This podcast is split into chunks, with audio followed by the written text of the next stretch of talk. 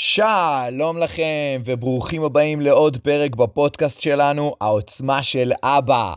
פודקאסט התפתחות אישית לאבות לשיפור האבהות שלנו וחיזוק הביטחון והאומץ החברתי של הילדים. והיום אנחנו נדבר על איך לגדל פייה על הכתף. איזה מגניב זה אם ברגעי קושי עם הילדים שלנו, פתאום הייתה קופצת איזה פייה כזאת על הכתף, שהייתה אומרת לנו מה לעשות. שהייתה אומרת לנו מהם הוראות הפעלה של הילדים שלנו. מהי הדרך הנכונה ביותר לדבר כרגע עם הילדים שלנו כדי לעזור להם, כדי לתמוך בהם. באותם רגעים שאולי אנחנו מאבדים את זה. אולי ברגעים האלה שלנו נמאס כבר, התחושה הזאת ש... וואי, כמה פעמים אני צריך להגיד לך, או וואי, זה ממש ממש קשה. והייתה את הפייה הזאת שהייתה אומרת לנו מה הדבר הנכון, או אפילו מרגיעה אותנו באותו רגע, ואומרת לנו שזה בסדר, ומראה לנו את החצי כוס המלאה, והדברים היו נראים אחרת. עכשיו, הפייה הזאת, היא לצערי לא קיימת, אבל אפשר לגדל אותה. אפשר לבנות פייה כזאת. כל אחד ו... ש, שמקשיב לפודקאסט הזה יכול לגדל את הפייה הזאת בעצמו, לבנות לעצמו את אותם דפוסים, את אותם כלים, אה, כדי, כדי באמת לעזור לילדים שלו, לעזור לעצמו ולהכניס יותר רוגע לאבהות, ואני שמח שאתם כאן בפרק הזה, כי היום אנחנו נדבר על איך עושים את זה, על, על הרגעים הקשים האלה.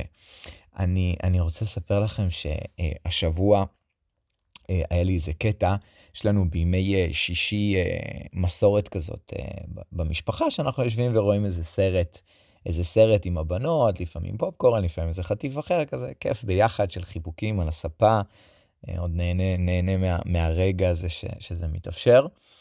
ו, ובסוף שבוע האחרון, אז היה ממש ויכוח על איזה סרט רואים. יש לנו כזה הרבה פעמים איזה... אמ, איזו שיטה כזאת שכל שבוע מישהו אחר בוחר סרט, והשבוע היה ממש ויכוח על איזה סרט, וסרט מפחיד ולא מפחיד, ו... זאת אומרת, האם יש קטעים מפחידים בסרט, והאם זה מתאים ולאיזה גיל, והתחלנו סרט ועצרנו, ובאיזשהו שלב אני איבדתי את זה, ו... וממש כבר לא יכולתי להכיל את, ה... את הרגע הזה, ופשוט חיביתי את הטלוויזיה, ו... והתחיל בכי, ובאותה שנייה, קלטתי, קלטתי שזה היה, שהשתמשתי ב, בכוח שלי, בסמכות שלי, רגע לשבור את, את מה שקרה שם, ו, ובאותו רגע גם התפלק לי המשפט, אז לא רואים שום דבר.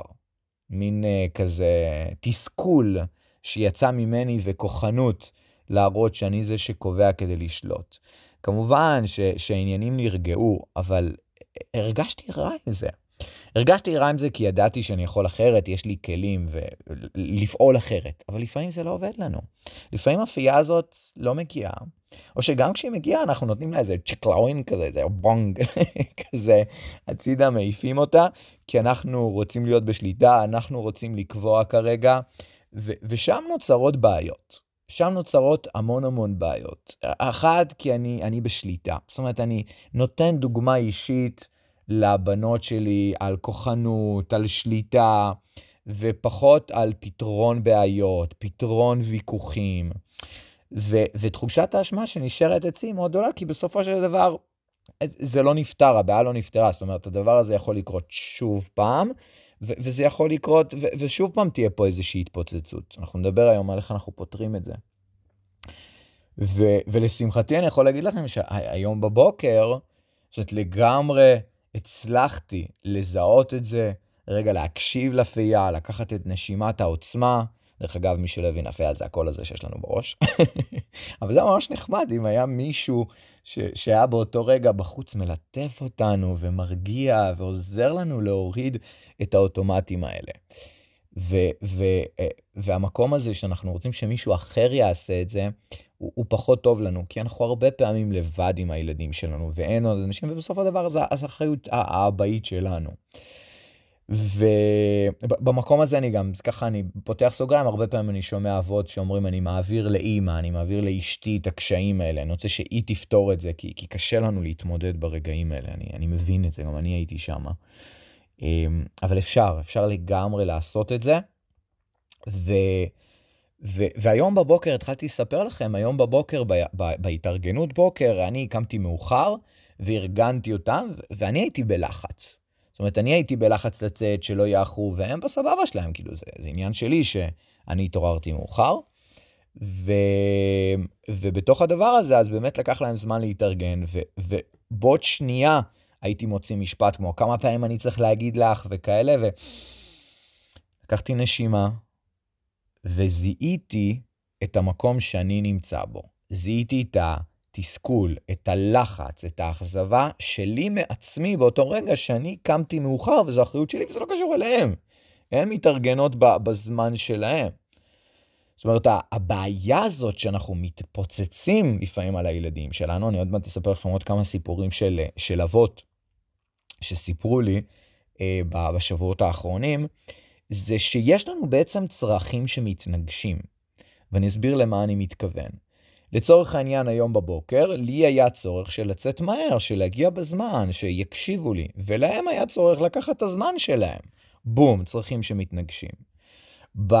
בנושא של הטלוויזיה, לי היה צורך שתהיה החלטיות מהירה, שיקחו החלטה.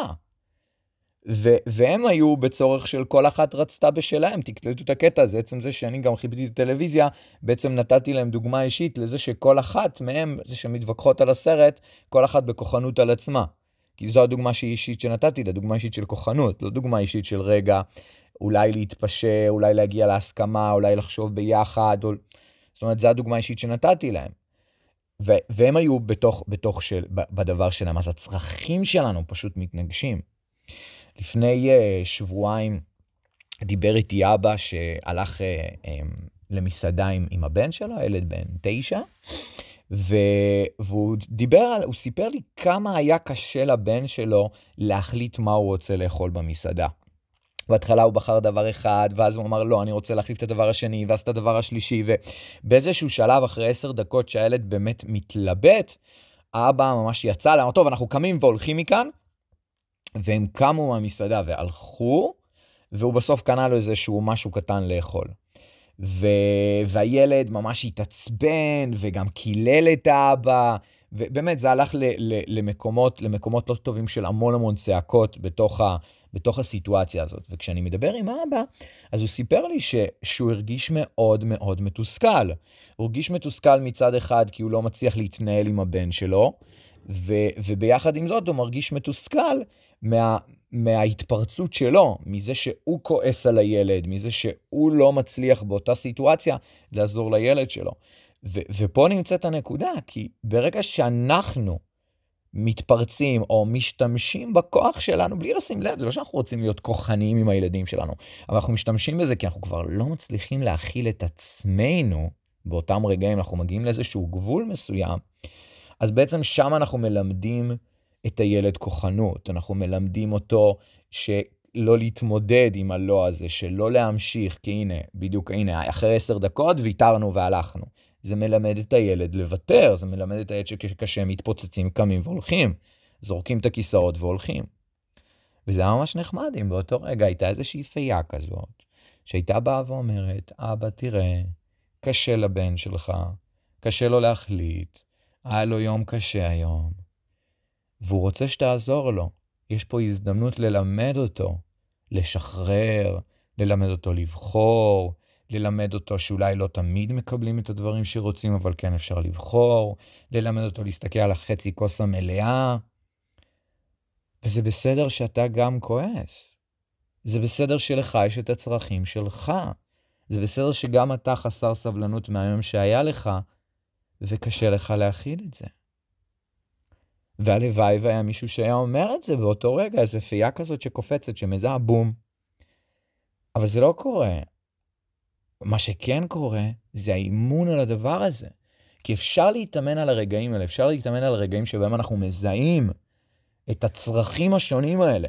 שלילד שלי יש צורך X, לי יש צורך Y, יש שם צרכים שמתנגשים, ושאני בתור האדם הבוגר אקח נשימה, נשימה לבטן, את נשימת העוצמה, וינרמל את זה לעצמי. אני אראה, אני אעשה מעין זום אאוט כזה, ואני אראה, וואו, וואו, רגע, יש פה שני צרכים שונים. יש פה צרכים שונים לחלוטין.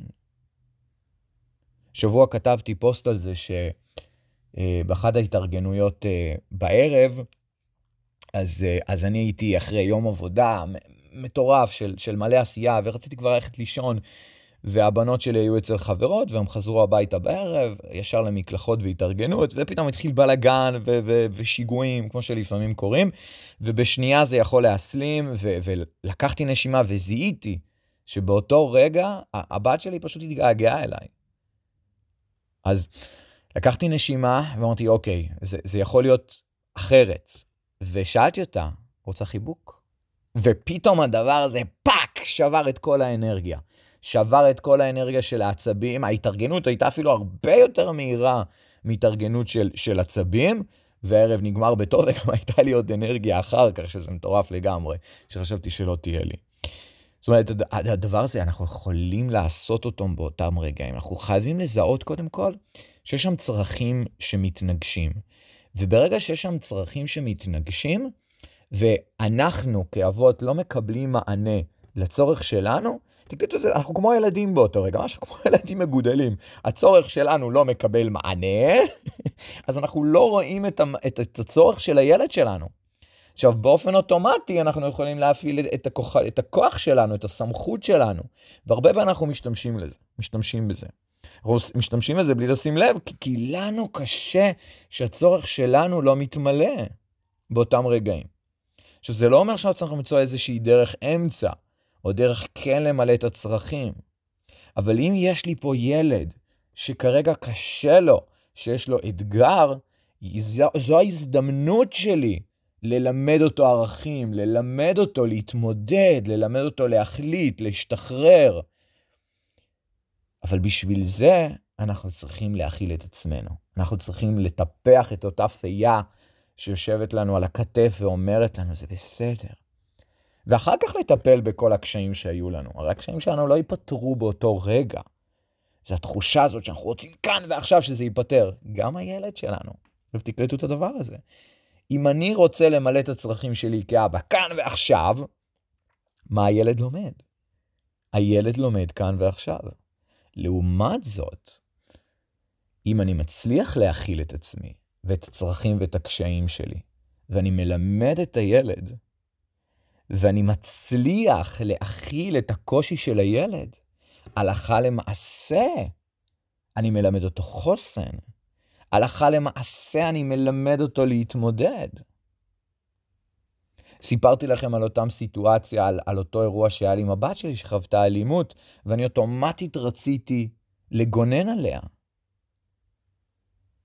באותו רגע היא ישר מקבלת את הלחץ ממני.